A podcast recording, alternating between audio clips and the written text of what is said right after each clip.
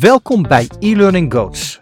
Dit is de podcast waar wij, Danny Bogers en Theo Ibema, de wereld van leren en technologie verkennen. Speciaal voor opleiders in organisaties en het onderwijs duiken we in alles wat met e-learning, blended learning en learning management systemen te maken heeft. Oftewel, wij bespreken alle technologische tools die kunnen helpen bij het creëren van een boeiende leerervaring voor medewerkers, klanten of studenten.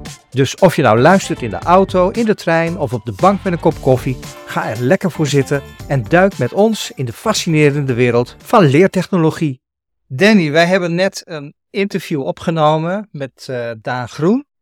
En ja, Daan is een heel ervaren game designer die uh, heel veel klanten al geholpen heeft met, la met uh, leervragen in te vullen met een game. Ik ben uh, super enthousiast daarover. Wat, wat vond jij ervan? Ja, nou, ik was al enthousiast over gamification, maar nu ben ik het helemaal. Het was gewoon een heel prettig gesprek. En uh, ja, de expertise en het enthousiasme spat er vanaf. Dus dat ja. is gewoon heel fijn. En ja, vooral, vooral die motivatie. Hè? Hoe motiveer je iemand? Hoe hou je iemand gemotiveerd? En daarnaast, hoe, hoe leer, breng je wat over? Hele mooie uitdagingen, maar het is ook een hele leuke oplossing. En uh, ja, ik vind dat Daan heel goed over kan vertellen. Zeker. Het was een uh, heel mooi interview. En uh, ja, jullie gaan nu luisteren naar het interview wat wij met Daan hebben gehad. Daan, hartelijk welkom. ik heb je al geïntroduceerd, maar zou jij jezelf kunnen, kunnen voorstellen? Ja, dat, dat, dat kan ik zeker. En dank dat jullie mij hebben uitgenodigd. Mm -hmm. Ik vind het altijd erg leuk om te delen wat ik doe. Ik ben Daan. Ik ben een serious game designer. Ik ben nu 15 jaar bezig met serious gaming en, en gamification. Ik ben veel bezig met de theoretische kant van, van het werk. En tegenwoordig veel meer bezig met, met e-learnings en met de praktische kant van het vak. En mijn, mijn missie of mijn, mijn droom is, is om het zo toegankelijk te maken dat een gemiddeld kinderdagverblijf Serious Gaming kan inzetten voor hun trainingen of, of dat soort zaken. Oké, okay. helder. En wat, wat versta je eigenlijk onder Serious Gaming? Serious Gaming en uh, gaming liggen heel dicht uh, bij elkaar. Mm -hmm. En in het kort, een game is een techniek die we inzetten om mensen te motiveren. Daar, daar zou ik het eigenlijk op willen gooien. Van, van nature gebruiken wij het spel al om te leren, om te ontwikkelen en om ja, te verkennen, hè, vaak als kinderen. En uh, wat wij dan doen, uh, en we noemen het een game, dat, dat klinkt iets internationaler, is wij ontwikkelen een game om de doelgroep te motiveren. Mm-hmm. En dan kan het zijn dat die game wordt gemaakt om iemand te entertainen. Dus gewoon om een, een leuke avond te hebben en om gewoon te genieten. Dan is het een entertainment game. En als we van tevoren bedenken, dit is wat we willen bereiken, we willen iets leren, we willen iets uitleggen, we willen iets iemand bewust maken. En van tevoren bedenken we dat doel en we ontwerpen die game met het oog op dat doel, dan noemen we het een serious game. Oké. Okay. En dan is het belangrijk dat je kan best een entertainment game bouwen en dat dan achteraf iets voor kennis overdraagt. Zoals Assassin's Creed, dat wordt ingezet bij de geschiedenislessen waarin dan de, de middelbare scholieren iets leren over die tijd. Oorspronkelijk bedoeld als entertainment game, maar toch heeft het een soort van educatieve waarde. Ja. En het gebeurt ook dat we een serious game ontwerpen. En dan proberen we kennis over te dragen. En dat is dan gelukt. En dat ze het blijven spelen omdat ze het ook leuk vinden.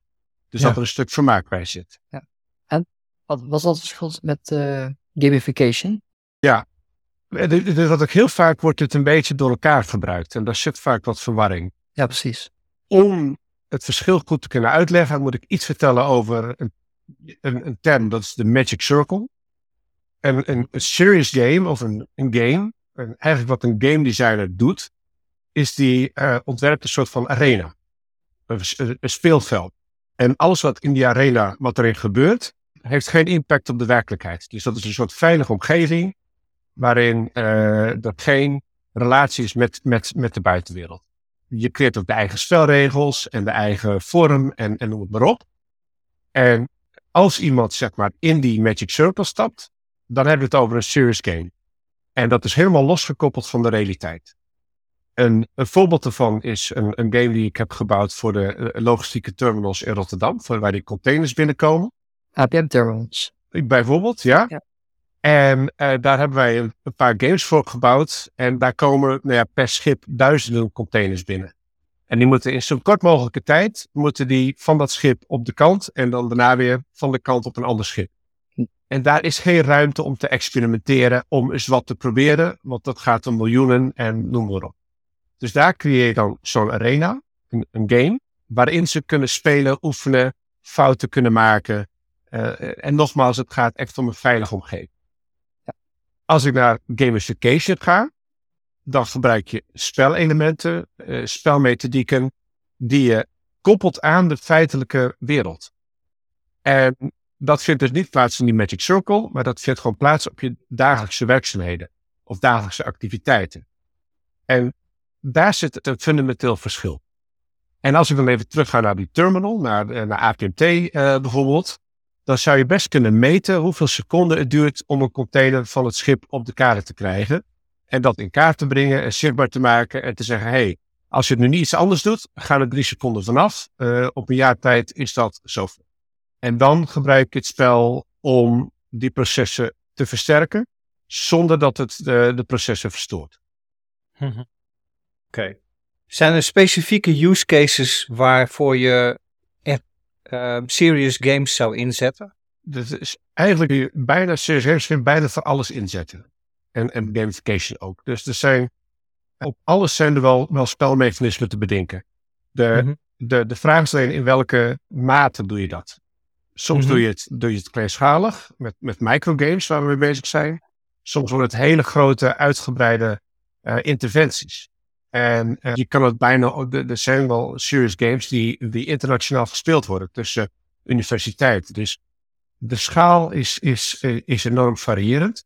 Mm Wat we zien, en, en misschien is het beter te kijken van wat, wat we zien in het veld, is dat serious games heel veel gebruikt worden bij bewustwording.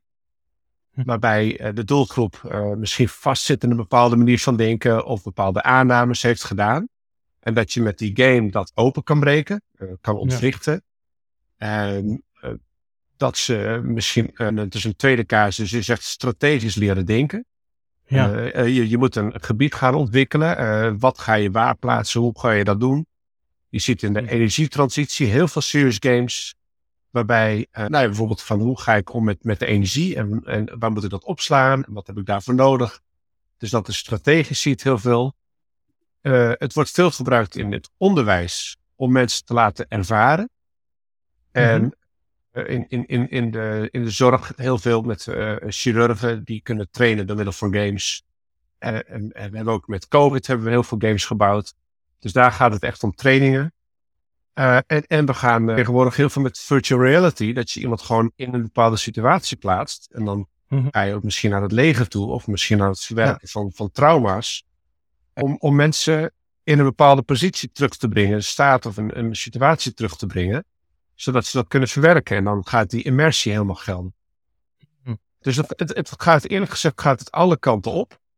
En er zijn maar weinig situaties waarbij we zeggen, daar is een game niet inzetbaar. Wat ik, wat ik veel belangrijker vind ook, is dat soms gebruik je de VR voor die immersie. Soms gebruik je een bordspel, soms gebruik je een kaartspel. Soms gebruik je uh, digitaal of e-learning. Dus je moet heel goed kijken van wat wil ik bereiken? Welke techniek zet ik daarvoor in? En natuurlijk welk budget heb ik? Maar daar zou je in principe gaming overal voor in kunnen zetten. Maar zijn er dan nog leervragen waarvan jij zegt, nou laat die gamification maar zitten. Doe maar gewoon een e-learning. Ja, ik dat uiteindelijk zou je natuurlijk hopen dat je alles door middel van een game zou kunnen doen. Maar ik denk dat dat, dat is niet realistisch. Dat heeft te maken met budget. Mhm. Want het kost, het kost gewoon geld om een game te ontwikkelen. En als ik dat vergelijk met een e-learning of het, of het maken van een boek, dan zit echt wel een verschil in, in budget dat je eraan kan besteden. Er zit een, een beperking op hoe realistisch kun je iets maken. Ja. Uh, we kunnen niet alles uh, hyperrealistisch maken. Soms wordt het wat te simplistisch misschien. Hm. En er zijn wel beperkingen op games, waardoor je het niet alomvattend in kan zetten. Hm. Daarnaast zeggen we, ja, je moet ook een heleboel in de praktijk leren. Dus daar kun je die games natuurlijk niet voor vervangen. Maar... Dus er zijn, er zijn in dat kader wel momenten dat je denkt van ja, dat zijn effectievere manieren om iets te trainen. dan dat via een serious game te doen. Ja. En dat is gewoon een kwestie van prioriteit misschien. Van hoeveel budget je eraan wilt besteden. Hoe, ja, hoe eenvoudig het te realiseren is. Ja. Misschien ook de snelheid waarin je kan maken. Ja, ja absoluut. Als je kijkt naar budget, ten eerste, als we unlimited budget zouden hebben. En we zouden, kijk, qua tijd, het meeste kun je prima voorbereiden en dan, en dan later inzetten. Dus als je een game eenmaal ontwikkeld hebt, dan kun je hem heel makkelijk uitrollen. Net als met een boek. Kun je het ook heel makkelijk dan inzetten. Maar het ontwikkelen daarvan, plus het aanpassen daarvan. Ja, als je oneindig budget zou hebben, dan zou ik zeggen, zet de kinderen gewoon de hele dag aan het gamen. En dan, dan komt die kennis, die komt er wel bij. Maar dat is, dat is niet realistisch. Uh, dus dat betekent dat je gewoon heel goed moet nadenken in mijn traditionele vorm van, van kennisoverdracht. Wanneer loop ik vast? Wat kan ik veel moeilijker uitleggen? Waar moeten ze echt even dat inzicht hebben? Ja. Zet, zet daar dan een gaming. En ga daarna weer met, met of met e-learning of gewoon face-to-face of in een, in, een, in een klassikale setting met elkaar in gesprek over. En, en dan kom ik eigenlijk meteen bij een, een, tweede beperking van een, van een serious game. Het is vaak zet je hem in je eentje in. En dan mis je dus de, ja, het contact met je, met je teamgenoten om het ook met elkaar te bespreken. Hm. Dus als je een game ontwikkelt uh, en je wilt dat mensen met elkaar in dialoog gaan of dingen gaan verkennen of nou ja, gaan praten over dilemma's, dan moet je dat ook in een klassikale setting doen en dan moeten mensen wel echt met elkaar in gesprek gaan. Ja. Dat, en dat kan via Teams misschien wel, maar dat moet je nog steeds faciliteren. En uh, dat, dat gebeurt niet in de game, dat gebeurt er dan omheen. Ja, oké. Ja. Hoe zou jij de effectiviteit meten van zo'n game, uh, Daan? Ja, dat is uh, wat, wat, wat heel belangrijk is, is bij, bij iedere game, is dat je daar van tevoren al over na gaat denken. En dan wil ik altijd eerst weten, hoe meet je het nu? Dus wat, wat, wat gebeurt er? Met een game kunnen we op twee manieren meten. We kunnen meten hoe goed heb jij onthouden wat ik je geleerd heb.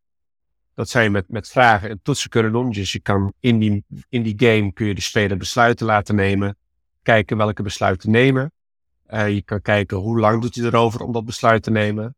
Als je meerdere opties geeft, welke opties kiest diegene. Dus dan kun je allemaal meten in hoeverre heb je die kennis onthouden. Maar wat veel interessanter is, als je impact wil weten, is in hoeverre ga je het toepassen op jouw, ja, op jouw werkzaamheden, op jouw, op jouw team. Uh, uh, en dat is heel moeilijk te meten.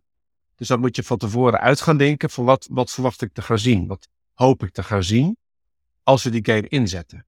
En ik kan daar een hmm. voorbeeld te noemen. Ik heb wel een keer een game gebouwd uh, rond veiligheid. Waarbij, ja, er zijn gewoon een aantal regels die gelden bij een nou ja, boorplatform of wat voor plek dan ook. Waarbij die veiligheid uh, wordt gemeten in het aantal dagen dat er geen incident is gebeurd. Of het aantal minuten dat je kwijt bent door een incident. Dus er gebeurt een ongeluk, uh, dan wordt de boel stilgelegd. En als dat dan een uur duurt om dat op te lossen, dan ben je een uur kwijt aan werk. Nou, dat meten ze. En dan zou je kunnen zeggen, dan zet ik een game in om die twaalf regels te trainen. En dan ga ik daarna meten hoeveel minuten schaaf ik van die, van die tijd af. Maar dan is het nog steeds moeilijk om dat één op één aan elkaar te koppelen. Zo'n organisatie zegt van ja, er is ook een campagne omheen en er ontstaat al bewustwording en er zijn wel gesprekken om. Dus het is veel breder dan dat je met alleen zo'n game kan meten. Dus het is bijna niet goed puur te meten. Tenzij je samenwerkt met bijvoorbeeld een universiteit. En die gaat er echt drie, vier jaar onderzoek doen naar zo'n game. En die gaat het heel, heel goed uitmeten. Maar dan ben je wel drie of vier jaar verder voordat ze daar echt een, een, een publicatie over kunnen doen. Ja. Dus wat we zien is dat we vaak proberen een soort van verwachting te creëren. Dus ik ben nu bezig met een, met een kaartspel die mensen bewust moet maken uh, dat ze op tijd aan de bel moeten trekken als ze in armoede dreigen te komen. En dat kaartspel wordt uitgedeeld aan de doelgroep met het doel van, nou, ga lekker thuis spelen. En als je dan de boodschap eruit haalt, ja, kom dan naar dit centrum toe, dan kunnen we je hulp bieden. We gaan dat kaartspel uitbreiden met een uitbreidingsset, met, met, met nog meer leuke, grappige, geinige kaarten. En we gaan kijken hoeveel mensen halen dat spel op. Dus die uitbreiding bedoel ik dan. En dan ah. kunnen we op zo'n manier meten van hoeveel bereiken we nou. Dus dat, is, dat is heel specifiek. dan ga je ervan uit dat degene die de uitbreidingsset ophaalt, dat hij waarschijnlijk de game heeft gespeeld. Ja, dat is, dat is de voorwaarde. In principe dat. En kijk, het is natuurlijk, het is allemaal heel erg. Het is niet wetenschappelijk. Er zijn zoveel mitsen en maren aan. Maar het geeft gewoon een indicatie van dit, dit hulpcentrum weet. Nou, er komen gewoon 20 mensen per week. Nu zetten we dat spel in. Dat gaan we uitdelen. We delen, we delen 500 spellen uit. En dan komen die week daarna komen er 30 mensen. Hé, hey, dat zijn er 10 meer. Als die aangeven van hé, hey, ik heb dat spel gespeeld, dus dan hebben we impact bereikt. Dat is dan hoe dat gaat. Precies. Ja, dat is natuurlijk ook wel logisch, omdat die, de vraag die je stelt van in hoeverre het meetbaar eh, te maken is, dat is niet een wetenschappelijke vraag. Je wil gewoon weten hoeveel impact een interventie heeft gehad. En op een hele praktische manier kan je dat natuurlijk op die manier heel goed vormgeven. Ja. En het is heel erg gekoppeld ook aan de impact die je wil bereiken. Dus dat definieer je vooraf. Welke impact wil ik bereiken en, en, en hoe, hoe ga ik dat zien? En een van de eerste vragen die ik in ons werktraject ook stel, is van hoe zie je nu dat, dat die impact die je wilt, dat die nodig is? Dus wat zie je gebeuren op de werkvloer of wat zie je gebeuren in de, de werkzaamheden, waardoor jij denkt van hé, hey, we hebben een probleem. Ik heb wel eens een klant gehad die, die zei, we moeten een game hebben, want we willen dat mensen meer de regie nemen in het bedrijf. Uh, die heeft een, flink bedrag gespendeerd om die game te ontwikkelen. Ik was toen nog wat minder ervaren. Ik, ik stelde die vraag niet straf van, van hoe weet je nou dat je een probleem hebt? Dus we zijn dat gaan, het spel gaan bouwen. En dat spel had helemaal geen impact. We meten helemaal niks. En toen ben ik op de werkvloer gaan vragen van, joh, wat vind je van dat spel? Ja, superleuk. Leuke tijd vooral. Maar wat haal je eruit? Ja, nou, in principe niet zo heel veel. Ja, ik met die manager gaan praten. Ik zei van, joh, wat maakte nou dat we dit spel gingen inzetten? Want er lijkt geen probleem te zijn. Hij zei, nee, we zijn de, we zijn de best functionerende afdeling van het hele bedrijf. We, we doen het supergoed. Ik zei, ja, maar wat maakt dan dat je mij in hebt gehuurd om dat spel te bouwen? Hij zei, nou, ik liep over de werkvloer en ik hoorde een paar jongens van de IT hoorde klagen over dat er zo gebrekkige communicatie was vanuit het management. Dus dat maakte dat ik die game ging bouwen. Ik zei, maar kerel, alle IT'ers klagen altijd, zelfs als ze super happy zijn. Dus die man die had nooit onderzoek gedaan naar van wat, wat levert nou dat probleem op? Wat meet ik nou? Dus sindsdien vraag ik van, joh, wat, wat zie jij in jouw bedrijf waardoor je dit wil gaan inzetten, die game? En als dat meetbaar is, dan kan ik ermee werken. Dan kunnen we achteraf meten van wat is er veranderd. Ja. En dan kun je impact kun je zichtbaar maken. Hm. Ja, precies. Ja, dit is natuurlijk heel herkenbaar. Uh, ik denk dat iedereen die uh, leerinterventies maakt, dit, dit proces ook wel herkent. Uh, om, om, om van tevoren goed uit te vragen wat het effect is wat je beoogt.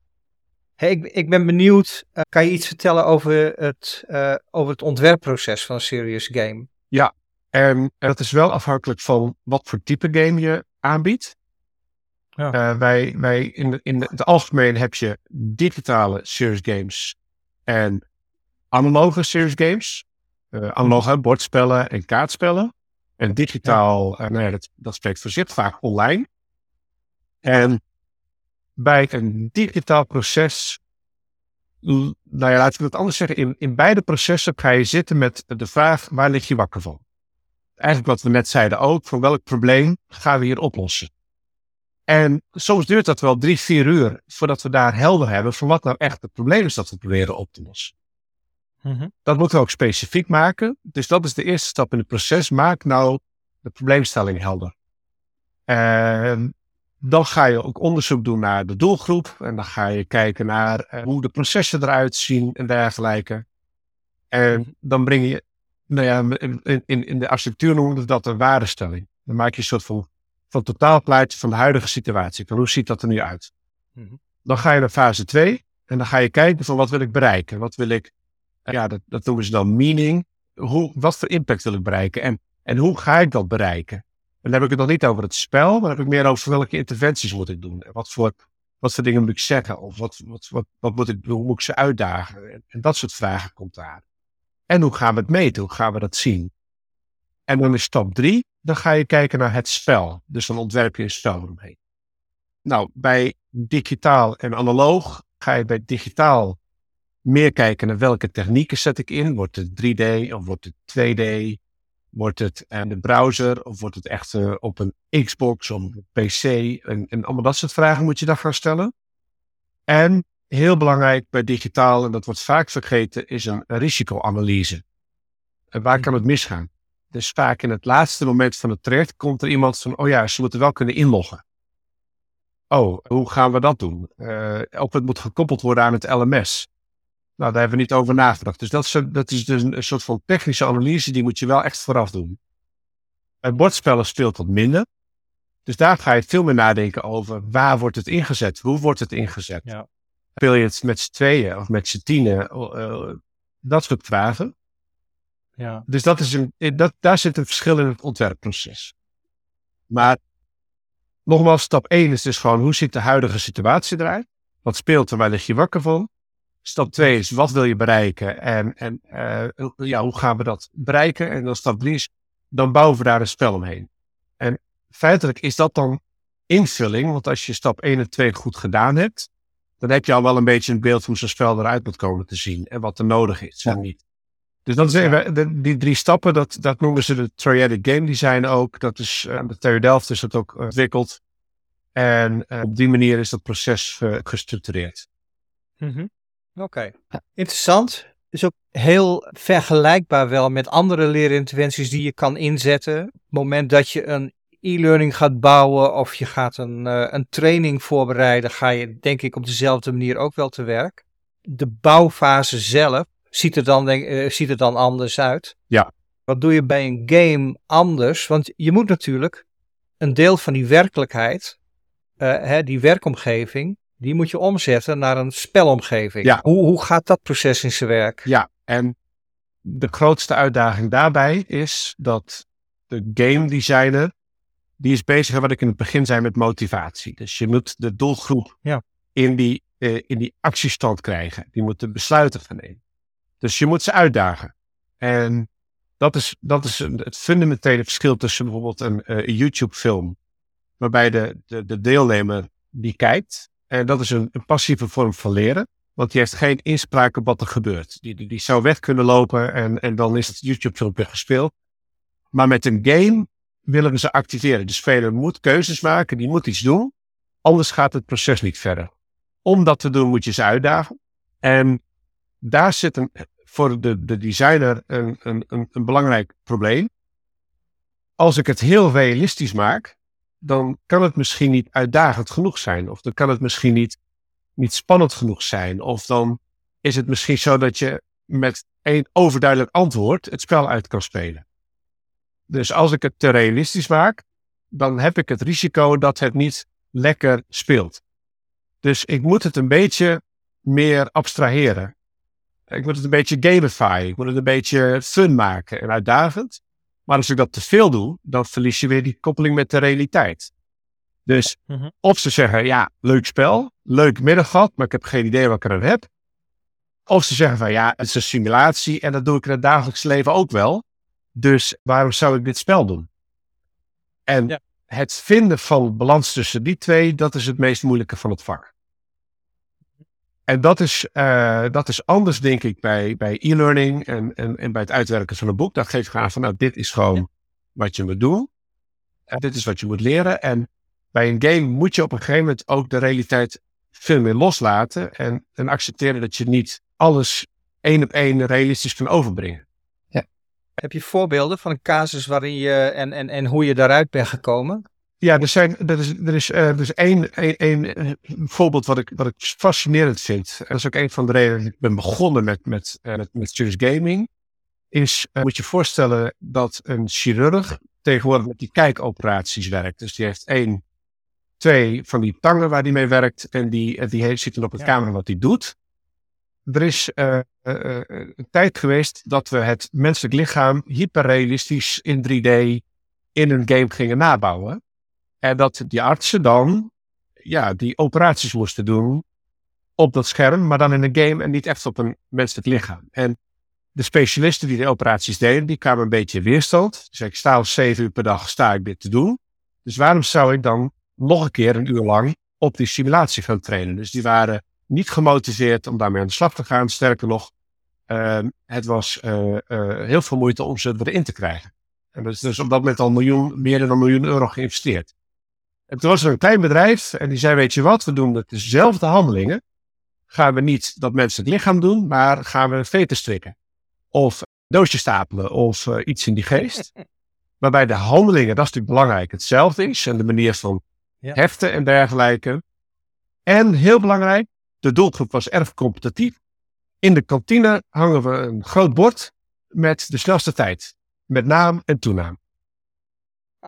En door dat toe te voegen, is er een enorme uh, run ontstaan op die apparaten. Want iedere arts die wil de hoogste score halen. En daardoor is die trainingstijd enorm toegenomen. En daar, dat is een beetje een voorbeeld van wat ik, uh, bedoel. Maar uh, vanuit mijn eigen werk, ik ben nu bezig met een, een kaartspel die we gaan uitdelen aan uh, mensen die in armoede leven of tegen de armoedegrens aanzitten. Met het simpele doel om ze bewust te maken op welk moment ze hulp moeten inschakelen. Ze wachten te lang vaak. Door trots, door schaamte, door misschien het gevoel van ik kan het zelf wel of ik zou het zelf moeten doen.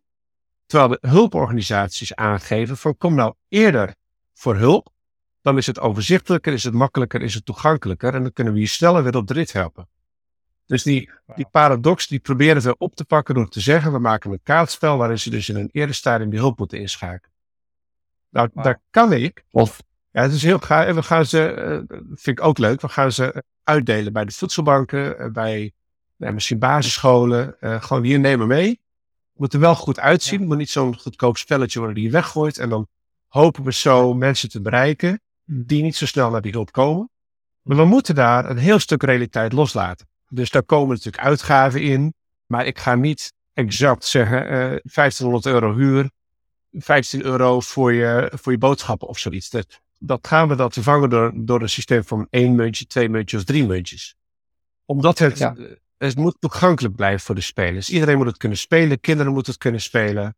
We gaan ook niet alle onkosten die je hebt erin zetten, maar gewoon even een paar kenmerkende. Dus wel mobiele telefoon, en maar niet zekeringen of zo. Dus dat, dat, daar moeten we gewoon de realiteit een beetje loslaten. Want het doel is dat ze een balans moeten vinden tussen uitgaven en inkomsten. En als het niet lukt, moeten ze die hulpkaarten inzetten. Okay. Dus daar laat ik die realiteit een stukje los. Om die boodschap die we willen overbrengen, ga hulp vragen voordat die te hoge rekening komt over te kunnen brengen. Leuk. Ja. Hey, jij zegt een game moet motiverend zijn. Ja. Wat maakt nou dat een game motiverend is? Ga jij als je gaat ontwerpen, ga je op zoek naar specifieke elementen daarin? In de gaming zoeken wij, gaan we echt kijken naar de emoties die we willen oproepen. Feitelijk genomen motivatie, daarmee bedoel ik dat men geactiveerd wordt. En zegt van, hé, hey, hier wil ik iets mee gaan doen. Hier wil ik verder mee. Ik wil het oppakken. Dat soort emoties, uh, dus dat, die motivatie zoeken we. En mhm. wij kijken in de gaming naar emoties. Als, als ik een spel maak en iemand zit er emotieloos achter, nou ja, oké, okay, prima. Dan, dan werkt dat niet. Dan gebeurt er niks. Dan ondergaat de persoon dat, ja, leuk, ziet er mooi uit, hey, bedankt. Dus daar moet uh, spanning ontstaan. En er is een, een, model, en dat gebruik ik heel veel. En dat is de, de, de Octalysis, heet dat. Ik hoop dat ik het goed zeg, ik moet even terugdenken. En die beschrijft eigenlijk acht, hoe noem je dat, key motivators. Acht, acht zaken die ons motiveren. En die gebruiken we. Uh, bijvoorbeeld schaarste. Als je een spel maakt, ja, probeer alle vijfde dingen te verzamelen, maar ze zijn moeilijk te vinden. Dan motiveert je dat om verder te zoeken. Uh, maar het kan ook zijn sociale druk. Dus een soort van competitie of een leaderboard. Meaning is een hele belangrijke, dat jij onderdeel bent van iets wat groter is dan, dan jouw eigen wereld. Dus jij hebt een bepaalde rol in het bedrijf en als jij je rol goed doet, gaat iedereen erop vooruit. Dus zo zijn er acht van dit soort zaken. Avoidance of loss, dus de angst om iets kwijt te raken, motiveert vaak. Dat noemen ze dan wel een black hat, dus een iets minder positieve, maar is wel een motivator. Uh, verzamelen, doen we ook heel veel. Maar ook tijdsdruk die, die, die zetten we in of, nou, en dergelijke. Ja. ja. Nou, met, die, met die triggers proberen iemand te motiveren uh, of, of, of iemand ja, emoties mee te geven, omdat iemand blij of competitief of fel of misschien ook wel een beetje gefrustreerd. En soms laten mensen tegen elkaar spelen en dan, en dan wint er een en het verliest er een. En dan, ja, dan is dat toch een emotie waar we soms het spel door het raampje. Ja. Allemaal onderdeel. Herkenbaar. Ja. Ouderwetse Monopoly-principe. Ja. bij mij was het weer FIFA. Die voor ja. door, door de, de tv ging. Ja. Nou, en, en in de gaming zit er een, een balans die wij moeten zoeken. Dat is het meest fundamentele. Als ik een spel maak dat te makkelijk is, dan haken mensen af en zeggen ja, simpel. Als een spel te moeilijk is, haken mensen af. En zeggen ja, daar kan ik niks mee, ik snap het niet. Dus daar moet je tussenin blijven. En dan is het meest moeilijke, is dat naarmate iemand meer speelt, wordt iemand beter in datgene wat je aanbiedt. Dus die complexiteit moet steeds een beetje toenemen. En dan ga je een beetje levels, met levels werken, denk Precies. ik dan. En, en dan is zo'n Candy Crush is daar beroemd in. Die begint met, met iets zo simpels dat iedereen denkt van ja, nou, ik moet, dat kan ik wel. En het wordt steeds een beetje lastiger. En ze voegen steeds een beetje toe. Ja. ja. En dat is dan ook meteen het meest interessante van wat wij doen. Ik heb een keer een game gespeeld, die APT-game, met uh, basisscholieren of middelbare scholieren eerste, tweede jaar. MBO, sorry, MAVO. En tegenwoordig heet het uh, niet meer MAVO, maar uh, VMBO. Desalniettemin hebben we die game daar gespeeld. En de houding was eigenlijk van ja, ik vind het eigenlijk wel een beetje simpel. Of ik, ik, vind het, ik vind het leuk hoor, maar als we het zo doen, dan hebben we het eigenlijk heel snel opgelost. En toen zijn we met elkaar uit gesprek gegaan, uh, met ook professionals erbij. Die zeiden van, goh, die, die, die leermomenten die ze daar eventjes uitspreken alsof het niks is. Dat zijn leermomenten die we aan de professionals proberen over te brengen. Dus er was een, heleboel leren vond ter plaats, zonder dat de studenten dat eigenlijk door hadden. Ja, ja. Mooi. En dat vond ik het, het mooiste. Uh, sterker nog, ik had het gevoel van, oei, dit gaat mis. Het is allemaal te makkelijk en het is niet leuk. Maar die professionals die er ook bij waren, die waren erg blij. Ze, oh, dit is wel gaaf, want dit kost heel veel energie om dit aan iemand uit te leggen. Mooi. Als we het dan hebben over motivatie, wat motiveert jou om dit werk te doen, Daan? Waar, waar, waarom word jij hier nou zo blij van? Het is niet zozeer het designen van serious games. Dat is, dat is voor mij een instrument. Dat is een, een, een, een methodiek die ik inzet. Ja, ik vind het leuk om met games te werken en ja, ik hou van gamen. Maar wat mij fascineert is het die, die, die schakelaar kunnen omzetten bij mensen. Dat vind ik het leuke. Dus je zit met een groep en die groep die is misschien een beetje terughoudend. Of die vindt het misschien een beetje ingewikkeld. Of die snapt het allemaal niet. Dat je dan iets kan doen, dat daar dan het licht aan gaat zeggen. Hé, hey, wat gaas, nu snap ik het. Dat motiveert mij het meeste, denk ik. En als ik straks, ik heb het gehad over dat kaartspel. Als er straks gezinnen komen die naar die hulp komen en die zeggen van joh, ik had me eigenlijk niet bedacht dat maar door zo'n kaartspel ben ik anders gaan kijken. Dus die kloppen eerder aan bij die hulp. En die kunnen dan geholpen worden. Dat is wat, wat mij echt motiveert hierin. Ja. En, en dan zit er primair wel heel veel overtuigingen, geloof in dat, dat, dat, dat spelende element van de mens. Iets waar Johan Huizinga al in, in 39 of 1938 over schreef. De homo ludens, de spelende mens. Dat zit zo in ons verankerd dat ik heel veel overtuiging heb dat dat spel ontzettend belangrijk is voor kennisoverdracht, motivatie, voor, voor geluk, voor plezier, uh, sociale verbinding, noem het maar op. Mm -hmm. ja. En ik, ik merk soms wel, en ik heb zelfs in mijn team gehad, ik heb een bedrijf gehad met, met 15 man in dienst, dat ik zei van ja, je mag best spellen spelen tijdens kantooruren. Dat, dat iedereen me toch wel een beetje raar aankeek. En dat ze zeiden, ja, maar spelen tijdens werk, ik zei, ja, dat, dat, dat moet gewoon kunnen. En dat spel, dat mag best wat meer naar voren komen. Dat vind ik helemaal niet erg. Dat dogma openbreken, dat vind ik, vind ik ook wel interessant. Ja, ga maar meer gamen. Ga maar de tijd die in zijn spel zit, ga dat dan wel effectief gebruiken. Maar als jij het nodig hebt om even een half uur lang of een uur lang zombies af te knallen, ga het gewoon lekker doen. Als dat even jou uh, ja. voorbereidt voor een ingewikkelde meeting, ja, waarom niet? Ja, het is het dit natuurlijk. De ene gaat door spelletjes spelen, de ander gaat je wandelen, Ja. de ander gaat op je tafeltent, maar wat. Ja, Ja. Ik, Waarom niet? Goed gelijk. ik heb ook heel vaak, als ik sessies doe, dan vraag ik ook altijd van wat is je lievelingsspel? En dan, eh, maar niet uit dat we een groep van 10, 20, 30 man hebben. En dat, dat, er zijn altijd een aantal bij, misschien wel een derde. Ja, ja, ik heb niet zo heel veel met spelen. Of ik speel eigenlijk geen spelletjes. Zo echt niet? Nee. Nou ja, we hebben er wel de pokeravond met de vrienden. Dus dat vind ik dan altijd wel leuk. Ik zeg, oké, nou dat beschouw ik als Ja. een spel. Dus ja, Ja. Spel, ja. ja of, of Monopoly met mijn vrouw vind ik dan wel leuk. Nou, dat, dat is dan onderdeel van het spel. Dus bijna altijd, ik heb nog nooit iemand gehad die zei, nee, er zijn geen spellen die ik eh, speel. En Wat speel jij dan? ik speel heel veel. Ik heb, ik heb hier een kast vol met bordspellen.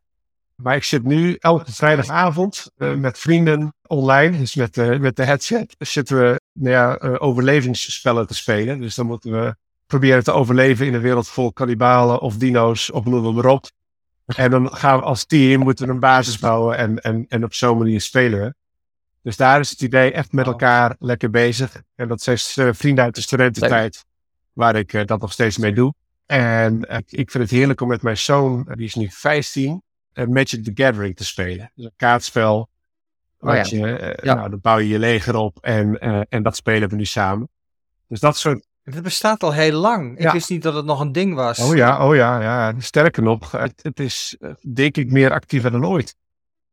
Ja, oh, ze hebben laatst weer een hele badje kaarten verkocht. Want ze hebben de, de Lord of the Rings hebben ze nu in dat spel toch gecombineerd met. En ik ben een grote Tolkien fan. Dus uh, nou, hier neem mijn geld maar weer hoor. Ik uh, sluit al aan. Ja, ja, ja. In, hoe, in hoeverre inspireren die commerciële games jou in de, in de oplossingen die je voor voor organisaties zoekt? Ik denk volledig. Ik denk dat bij iedere oplossing die ik ontwerp, zit er altijd al één of twee spellen bij die ik als voorbeeld meeneem. En soms is dat, dat, dat zijn hele basale principes, zoals soms gewoon schaken of kruisen rondje of dat soort zaken. Soms wat meer complexer, maar er is, er gebeurt zoveel in deze wereld. En er is, er is zoveel gaande. Er zijn zoveel mechanismen, spelmechanismen die, die, die worden ingezet. En helemaal als je kijkt naar kaartspellen, er zijn, er, er zijn duizenden kaartspellen, dat ik bij elk ontwerp wel één of twee spellen meeneem. Alleen dan pak je bepaalde elementen uit zo'n spel. Dus dan zeg je niet, ik pak het hele spel en dat pas ik dan aan. Het gaat erom van, hey, dit mechanisme gebruik ik om, om dit in de praktijk terug te geven.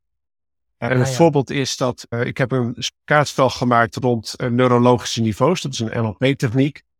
Waarbij je dus in gesprek bent met iemand via dat kaartspel. En je speelt het in je eentje, dus ik moest wat simuleren. Nou, in de praktijk heb je ook voor wat ga ik wel en wat ga ik niet zeggen. En niet alles wat je bedenkt, zeg je. Dus daar staat een mechanisme in een ander kaartspel. Dan zeg je, pak drie kaarten, neem één in je hand, leg één weg en leg één op tafel. Ik zie, ja, dat is dus hoe dat in de praktijk ook gaat. Ik denk na van, nou, dit wil ik nu zeggen. Dit wil ik misschien later zeggen en dit ga ik niet zeggen. Dus dan gebruik ik een specifiek mechanisme uit een ander spel om dit, dit te bereiken. Ja. En dat, dat gebeurt heel veel. Het is meer het verbinden van die mechanismen die het werk ingewikkelder maakt. Dat is, dat is een beetje mijn rol. Ja. En vergelijk dat met een architect van, van gebouwen. Dus daar vergelijk ik mijn werk vaak mee. Die bedenkt het ook allemaal niet, alleen die brengt het bij elkaar. Je zegt van nou, hier wil ik glas, hier wil ik beton, hier wil ik steen. En, en op zo'n manier werk je met een game design ook. Mm Ja, het valt me op dat jij zowel low-tech als high-tech oplossingen uh, inzet. Uh, hè, bordspellen, maar ook VR. Ehm, hoe, hoe maak je je keuzes daarin? Dat is heel erg afhankelijk van het doel dat je wil bereiken. En ik, ik heb met, met, met mijn bedrijf, Preludens, zet ik me ook in op, op eerst even een fase verkennen van wat wil je nou eigenlijk bereiken? Welke impact zoek je? En daar hoort een bepaalde techniek bij soms dan is het, ik wil mensen bij elkaar brengen en ik wil dat ze met elkaar een dialoog gaan over een bepaald onderwerp. Nou, dan zeg ik, zet een kaartspel in. Dat is toegankelijker, sneller op te zetten en is meer gericht op dialoog. Soms is het van ja, ik wil dat mensen kunnen ervaren hoe het is om uh, op zo'n schip te varen. Ja, zet dan VR in of iets digitaals. Als je een doelgroep van 20, 30 man hebt, ja, maak dan een bordspel, want dan is digitaal dus wel heel duur. Maar als je 2000 hmm. man wil bereiken of wereldwijd wil trainen, probeer het dan digitaal te doen. Dus dat is enorm afhankelijk van wat je, wat je wil bereiken en, en, en ja, hoe groot jouw, jouw, jouw scope is. Daar zit ook wel een budgetvraagstuk bij. Digitaal is weer duurder dan analoog. VR is nog duurder. Je hebt ook augmented reality, daar kun je met je telefoon op, op dingen richten. Nou, dat zijn allemaal verschillende technieken die je op verschillende momenten inzet. En wat ik vaak doe als ik met klanten zit vooraf, is ook bedenken van wat is eigenlijk je budget per persoon? Wat is jouw, jouw ja, opleidingsbudget misschien per persoon? Is dat, is dat 100 euro en je hebt, je hebt 100 man in dienst? Of heb je 20 euro, maar je hebt 10.000 man die je wilt trainen? Dat bepaalt natuurlijk ook een beetje wat je, wat je kiest. Ja. ja. Ook heel belangrijk is dat uh, ik geloof niet in dat alles bij één persoon zit. Dus zodra ik bij een klant terechtkom die VR wil, dan ken ik bedrijven die dat doen. Dus dan nou, speel ik dat door of help ik de klant om met dat bedrijf samen te werken. Ik ken ook hmm. bedrijven die digitaal doen, bedrijven die in de browser willen werken en bedrijven die het in het LMS willen hangen. Dus zo kijk je ook een beetje wie kun je daarvoor het beste inzetten. En dan werk je samen om die klant te helpen. Hey, jij doet dit al 15 eh, jaar, zei je net. Um, hoe, hoe, hoe, heeft dit Serious Games zich ontwikkeld in die, in die tijd? In de, de, de, de grote milestone, want ik ben, ik ben, en moet ik even goed terugdenken, want ik ben begonnen in 2008 inderdaad. En toen hadden we nog geen tablets en telefoons. Dus toen werd alles nog met een lokaal netwerk gedaan. Dus dan was ik echt met 20, 30 laptops onder mijn arm, ging je naar een klant. Hadden we één laptop, dat was de server. En iedereen speelde op die ene server. Soms in een bunker en dan had je ook geen verbinding. Toen kwam daar de tablet en de telefoon. En dat heeft een enorme impuls gegeven aan Serious Gaming. Omdat uh, je daarmee opeens via de App Store je spel kon distribueren tot dat moment was dat eigenlijk heel lastig. Dan moest je echt nou ja, een goede IT hadden hebben om dat te, te kunnen doen. Dus met de introductie van de tablets en de telefoons zie ik een enorme trend richting dat digitale App Store en dergelijke. Er is heel veel gebeurd. Je ziet, en dat is ook heel mooi, dat de entertainment-industrie heeft natuurlijk ook een enorme vlucht doorgemaakt. Ik kom nog van de generatie uh, Atari, uh, Pong, die eerste computerspelletjes die je op de televisie speelde. En tegenwoordig, ja, dus dat ook een heel gezegend traject hoor. Ook met, met de, de Amiga en de, en de, wat is het, 386 en dergelijke. Maar als je dan nu kijkt naar die, die game engines waarmee die games bouwen, dan kun je natuurlijk hyperrealistische, ja, super gave dingen bouwen. En die technieken om die games te bouwen zijn ook heel toegankelijk geworden in de afgelopen jaren. En, en, en game engines zoals Unity 3D, zijn ook voor mij als, als individu betaalbaar geworden. Voorheen had je dus die grote dure jongens, betaalde je twee ton per jaar voor. Ja, daar kon ik niks mee. Maar een paar tientjes per maand kan ik wel ophoesten. Dus opeens kunnen veel meer mhm. mensen games bouwen. Dus die trend, die heb ik gezien. En uh, Nederland is ook echt te voorlopen als het gaat om serious gaming. Er zijn uh, opleidingen die zijn ermee bezig. En er zijn een heleboel ja, ZZP'ers die al met games aan de slag kunnen. En dat is heel gaaf. En een derde trend, en dat is een meer recente, de COVID-trend. Ik weet niet hoe je het wilt noemen. Maar tijdens mhm. COVID zijn mensen veel meer bordspellen gaan spelen. En veel meer weer analoge spellen gaan spelen.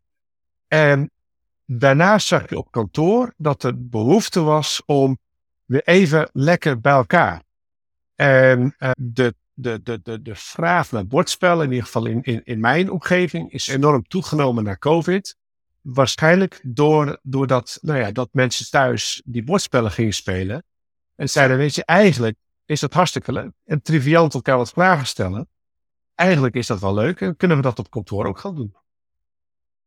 Behoefte aan cohesie. Ja, en verbinding en uh, uh, samen zijn. En tot die tijd was het veel meer, nou, lekker achter de computer. En het moest mooie graphics en dergelijke. En die, dat is er ook nog wel. Maar het is nu meer in balans, merk ik. Dus dat, dat is een trend die ik ook zie.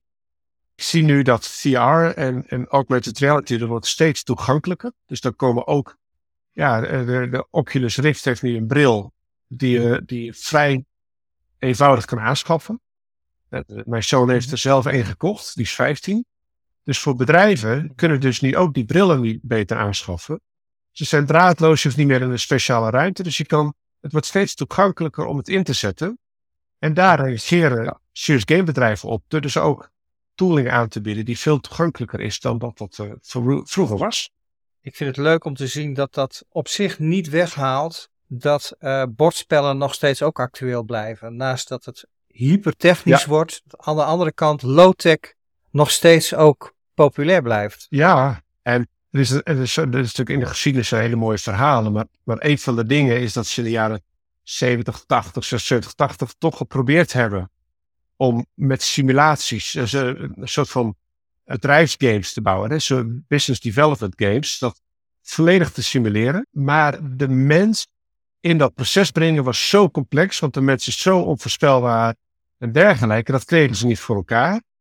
Totdat iemand zei van oké, maar als we dan mensen gewoon in die simulatie brengen. Dus we laten gewoon iemand die keuzes maken, dat laten we gewoon bij een mens liggen. Dan los je daarmee eigenlijk alles op. En zo is dat serious gaming weer ontwikkeld. Ja, het bestaat al veel langer, maar dat, dat we zeggen, ja, dan doen we het gewoon met elkaar. En jouw, jouw rare manier van denken, jouw onlogische manier van denken, is dan onderdeel van het spel.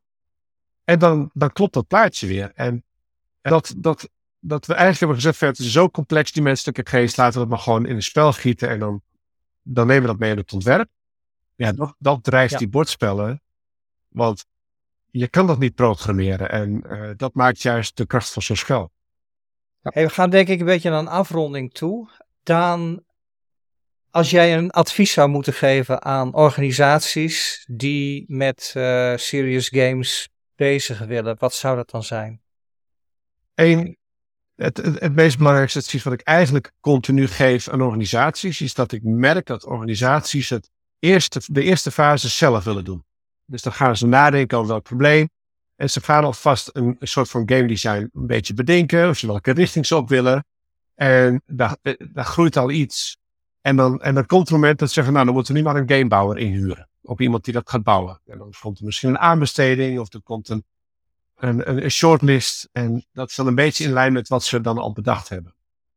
En dat vind ik zonde. Ik zou zeggen van, ga nou in een eerder stadium met een game designer of een, een game designer architect praten.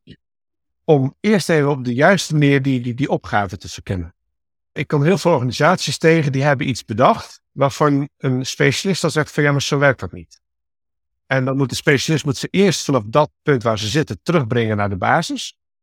En dan vanuit daar richting de oplossing die wel gaat werken. En dat kost zoveel meer energie en frustratie dan eigenlijk vanaf de start het gewoon even goed inrichten. Met een hele simpele vraag van wat wil ik bereiken? En wat is de meest effectieve weg daar naartoe? Dus ga vanuit, vanuit dat probleem werken. En niet vanuit een, oplossing die je al bedacht hebt. Van hé, hey, die oplossing die zou ik willen. Ik hoef alleen nog maar even iemand te zoeken die dat gaat bouwen. Daaraan gekoppeld, dan pak ik gewoon even het tweede advies. Is onderschat als opdrachtgever niet hoeveel impact het heeft om dat hele traject te begeleiden. Alle organisaties waar ik mee gewerkt heb, zijn bij de start super enthousiast. En dan gaan we workshops doen. En we gaan post-its en brainstorm sessies doen. En er komen mooie ideeën. Maar zo'n traject duurt soms wel zes maanden om zo'n game te bouwen. En ja, je moet gaandeweg van het traject moet je ook testen. En je moet input geven. En je moet feedback geven. En die gamebouwers die moeten begeleid worden. Maar de, de energie die dat eh, kost intern blijft gewoon gelijk. Terwijl eigenlijk iedereen na een paar weken zegt van ja, ik moet eigenlijk andere taken doen. Dus dan verslapt die aandacht. Ja. En dan gaat de kwaliteit van het product gaat natuurlijk enorm omlaag. Je moet iemand hebben die continu meekijkt en die gamebouw scherp houdt. En dat is, dat is denk ik nog een belangrijker advies van let op dat dat gewoon heel veel tijd en energie kost. Dat kun je intern oplossen. Maar je kan daar ook iemand voor inzetten die dat namens de klant doet. Die, die persoon is duurder per uur, maar die doet het in minder tijd. Dus netto uh, is die goedkoper dan wanneer je het zelf probeert te doen. Inclusief alle problemen die je creëert, die je daarna moet gaan oplossen. Waaronder deadlines die verlopen. Dus schakel een soort van ja, specialist in die dat project gewoon begeleidt. Die vanuit jouw bedrijf dat gewoon bewaakt. En dat, dat is wel, denk ik, mijn advies aan, aan de opdrachtgevers. Oké, interessant. Ja. Hey, en als je nou als uh, e-learning developer of als uh, eh, L&D'er met uh, gamification of met serious games aan de slag zou willen en daar zelf in zou willen verdiepen en in wil professionaliseren, wat kan je dan doen? Ik zie een enorme toegevoegde waarde in de e-learning. Zie ik een, een, een, techniek waar ik, waar, ik, waar ik al tien jaar mee bezig ben en dat is microgames. Dat is een van mijn specialiteiten, is om mhm. met, met kleine, korte, gerichte interventies kennis over te brengen. Jij hebt het eerder al over ja. microlearnings gehad. Nou, dit is een techniek die daar uh, verwant is. Daarom de term microgaming. Waarbij je dus, nou, bijvoorbeeld in Articulate, uh, Storyline, kun je al heel simpel spelmechanismen toevoegen om de speler uh, te activeren. Laat ze keuzes maken. Voeg misschien een beetje tijdsdruk toe. Geef feedback over scores, geef punten. Dat soort mechanismen kun je al toe gaan voegen aan je e-learnings om de speler iets actiever te krijgen. En om ze dus te activeren. En je kan er heel snel een storyline in zo'n e-learning brengen. Dat, dat, dat wordt natuurlijk heel veel gedaan, dat er een soort van dilemma komt. Nou, dat kun je ook wel aanvullen met laat de speler of de, de, de cursist maar keuzes maken. Geef wat feedback op die mhm. keuzes. Zeg op een gegeven moment van ja, uh, je krijgt vier seconden om zo'n keuze te maken. Dan wordt het een beetje spannend. Mm Zeg van ja, je, uh, je krijgt punten hoe sneller je doet. Dus op zo'n manier, binnen de e-learning, zou ik adviseren om aan de slag te gaan. En dat kun je steeds gekker maken natuurlijk. Maar begin gewoon bij, uh, geef de keuzes maar aan de, aan de spelers. Ja. Danny, ik heb nou al zin. Ja, de gamen bedoel je? Ja, om hiermee aan de slag te gaan. Om dit ook in, in, in, in e-learning te, gaan uh, te gaan toepassen. En uh, triggert allerlei dingen. Staat al tijdens op de planning bij ons om er ook iets hierin te gaan doen. En ja. ja, ik denk ook dat het gewoon uh, zo gaaf is, maar ook gewoon van dat het, dat het mensen kan bereiken die nu wat moeilijker te bereiken zijn. En ik heb het wel leuk om even aan te halen van uh, wat ik ooit een keer meegemaakt heb. Ik kwam ooit een keer bij een, uh, bij een nieuwe opdrachtgever. En toen moest ik hem een oplossing gaan pitchen als e ontwikkelaar. En had ik ook bedacht een, spel voor hem. En ik, ik legde heel het spel uit, een serious game inderdaad, waar over veiligheid op, op een schip. En toen ging ik de vuist op tafel van de hoofd-IT. En zei, we zijn een serieus bedrijf, we doen niet aan gaming. Dat is inmiddels, we zijn acht jaar geleden. We gaan, we gaan het gewoon toch lekker doen, toch? Maar dat was even een uh, schok voor mij op dat moment. En uh, ik ben blij dat, dat, er, uh, dat er genoeg bedrijven zijn en organisaties zijn die wel ervoor openstaan en die ook de meerwaarde van inzien. Dus, ik ben blij dat er ook mensen zijn die zich daarin een goat mogen ja. noemen, Daan. In dit, in dit onderwerp. Ja. Dus uh, super fijn dat je erbij was ook, om uh, dit uh, toe te lichten van dit expert. Ja, leuk, leuk om, om ook even wat, wat gedachten te delen. En, en, en heel interessant, dit, dit is natuurlijk voor mij al gesneden kok. Ik doe het al zo lang. Maar om eens even terug te denken, van, wat, wat zijn ook alweer die, die kernwaarden? Wat maakt het zo bijzonder? En, en dan moet ik ook altijd even mezelf nadenken, ja, maar het, het is ook gewoon hartstikke leuk. Het, het, brengt een lach op het gezicht. En ik denk dat dat alleen al heel veel waard is.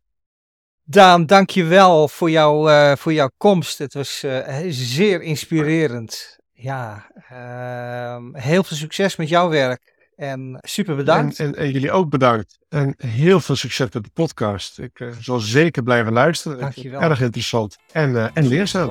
Super. Dit was e-learning Coach, een podcast van Danny Bogus en Theo Ibema. Over twee weken zijn we er weer met de volgende aflevering. In de tussentijd zijn we zeer benieuwd naar je reacties. Die kun je kwijt op ons Instagram-account e-learning of op onze LinkedIn-pagina. Als je meer wilt weten over de onderwerpen die we besproken hebben, kijk dan ook in de show notes. Daar zetten we alle relevante links op en je vindt ook een link naar onze website. Vond je dit een leuke aflevering? Klik dan in jouw podcast-app op liken en volgen. Dat helpt andere mensen weer om deze podcast beter te vinden. Bedankt voor het luisteren en graag tot de volgende keer.